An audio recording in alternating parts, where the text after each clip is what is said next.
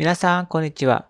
今日はインドネシアのお菓子についてお話しします。断食明けの祝祭、イドルフィットリでは親戚一同が集まります。そこでは主にお菓子と料理が振る舞われます。そこで今日ご紹介するのが、このイードルフィットリの定番のお菓子の一つです。